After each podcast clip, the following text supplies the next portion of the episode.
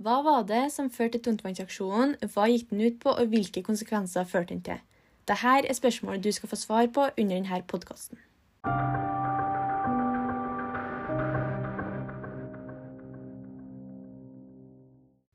Hei og velkommen til Historiepodden. Mitt navn er Julie Sandnes, og som nevnt i forrige episode skal ukas pod handle om tungtvannsaksjonen. Jeg har fått inn en del spørsmål som dere ønsker å få svar på, og de her skal jeg svare på i dagens episode. Først tenkte jeg å forklare litt hva tungtvann er, og hva som fører til tungtvannsaksjonen. Tungtvann er en kjemisk forbindelse som ligner vann, men hydrogenet er bytta ut med isotopen deuterium, som har en litt tyngre kjerne pga. et høyere antall nøytroner. I årene før krigsutbruddet ble det gjort store fremskritt innenfor atomforskning. Tungtvann ble etter hvert ansett som en viktig faktor for produksjon av atomvåpen grunnet evnen den har som en moderator i en fisjonsreaktor. Dette var særlig interesse for både Tyskland og Storbritannia ettersom det åpna muligheten for fremstilling av atomvåpen. Norsk Hydro hadde på denne tida Europas eneste regulære produksjon av tungtvann som biprodukt i hydrogenproduksjonen. Fabrikken lå på Vemork ved Rjukan, og ved krigsutbruddet prøvde stormaktene å sikre seg tungtvannet som ble produsert. Da Norge ble okkupert i 1940, endra situasjonen seg. Tyskerne fikk kontroll over anlegget, noe som førte uro blant britene, og de begynte å planlegge sabotasjeaksjonen, såkalt tungtvannsaksjon. Tungtvannsaksjonen er en viktig del av norsk krigshistorie. Da vet dere lyttere litt av bakgrunnen for tungtvannsaksjonen, så nå går vi over til spørsmål som er blitt sendt inn.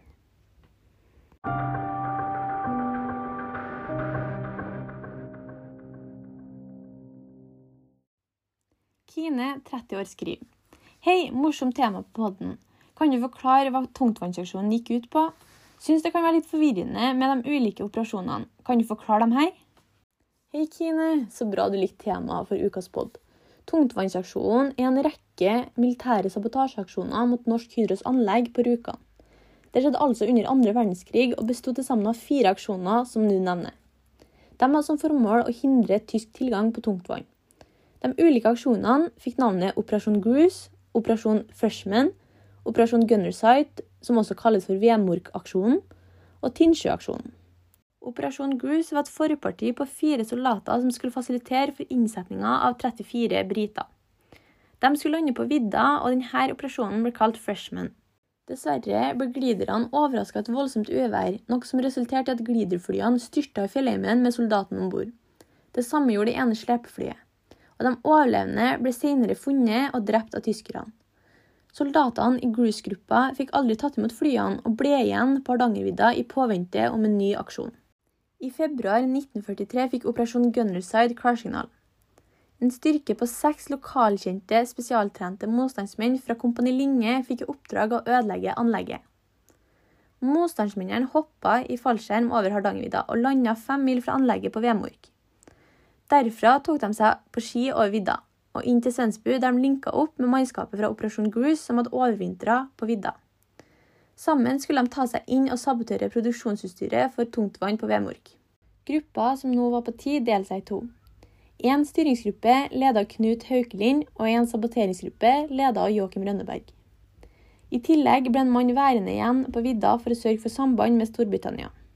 Styringsgruppa holdt vakt og sørga for å uskadeliggjøre eventuelle tyskere som prøvde å hindre sprengninga, mens saboteringsgruppa skulle trenge seg inn i anlegget og stå for selve sprengninga. De tok seg inn i anlegget og festa sprengstoffet direkte på produksjonscellene. Aksjonen tok til sammen 30 minutter, og ingen liv gikk tatt. Uttrekninga gikk samme vei som de tok seg inn, og sabotørene var tilbake på Hardangervidda før tyskerne rakk å få forsterkninger fra Rjukan. Trygt oppe på vidda delte gruppa seg opp for å villede tyskerne. Noen ble igjen på vidda, mens andre satte kurs mot Sverige. I dag kan vi med trygghet kalle Operasjon Gunnerside for en av de mest vellykka sabotasjeaksjonene under andre verdenskrig, og brukes som eksempel i undervisning om sabotasje blant norsk og utenlandsk militært personell. Noen måneder senere var produksjonen i gang igjen på Vemork.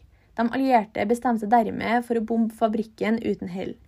21 sivile ble drept i forsøket. Tyskerne bestemte seg for å flytte anlegget til Tyskland. Lasten med restbeholdning og produksjonscellene skulle fraktes over Tinnsjø med ferga Hydro. Dermed ble Tinnsjøaksjonen satt i gang. Den gikk ut på å senke den sivile jernbaneferga for å hindre utskiping av tungtvann til Tyskland. Og det var en viktig del av sabotasjen for å hindre videre atomvåpenproduksjon i Tyskland. Da håper jeg at du har fått svar på spørsmålet ditt og oppklaring i hva de ulike operasjonene gikk ut på. Så går vi over til neste spørsmål. Even, 52, skriver Hei, jeg har lest mye om tungtvannsstasjonen, og jeg er imponert over guttene som utførte oppdraget. Men jeg syns det er så lite om konsekvensene av tungtvannsstasjonen. Så jeg lurer på, hvilke konsekvenser førte tungtvannsaksjonen til? Hei, Even. I ettertid så får man se tilbake på tungtvannsaksjonen som en vellykka sabotasjeaksjon. Likevel kosta aksjonen 91 menneskeliv, deriblant sivile. Derfor er det noen som stiller seg spørsmålet om det var verdt det. Men dersom man skulle ha sett det fra den andre sida, så har de som utførte sabotasjen, antageligvis hindra eller redusert hastigheten på atomvåpenfremstillinga i Tyskland. Og dersom Tyskland hadde fått produsert så mye tungtvann som de ønska, kunne ha fått fatale konsekvenser for veldig mange. Det kunne dermed ha utvikla seg til et kraftig våpenkappløp og atomkrig, og mange sivile liv ville ha gått tapt. Vi kan nesten si at utfallet av andre verdenskrig kunne vært en annen dersom sabotørene ikke hadde lyktes med aksjonen. Tillegg kan sabotørene ses på som forbilder for det norske forsvaret, og som tidligere nevnt brukes det i militær undervisning. Tungtvannsaksjonen har også blitt filmatisert, og det er også laga en NRK-serie av aksjonen som jeg anbefaler å se. Det var alt vi skulle gjennom i dagens episode av podden. I neste uke skal jeg forklare litt om norsk innsats i den allierte okkupasjonsstyrken i Tyskland, Tysklandsbrigaden. Gjerne send spørsmål til neste ukes episode.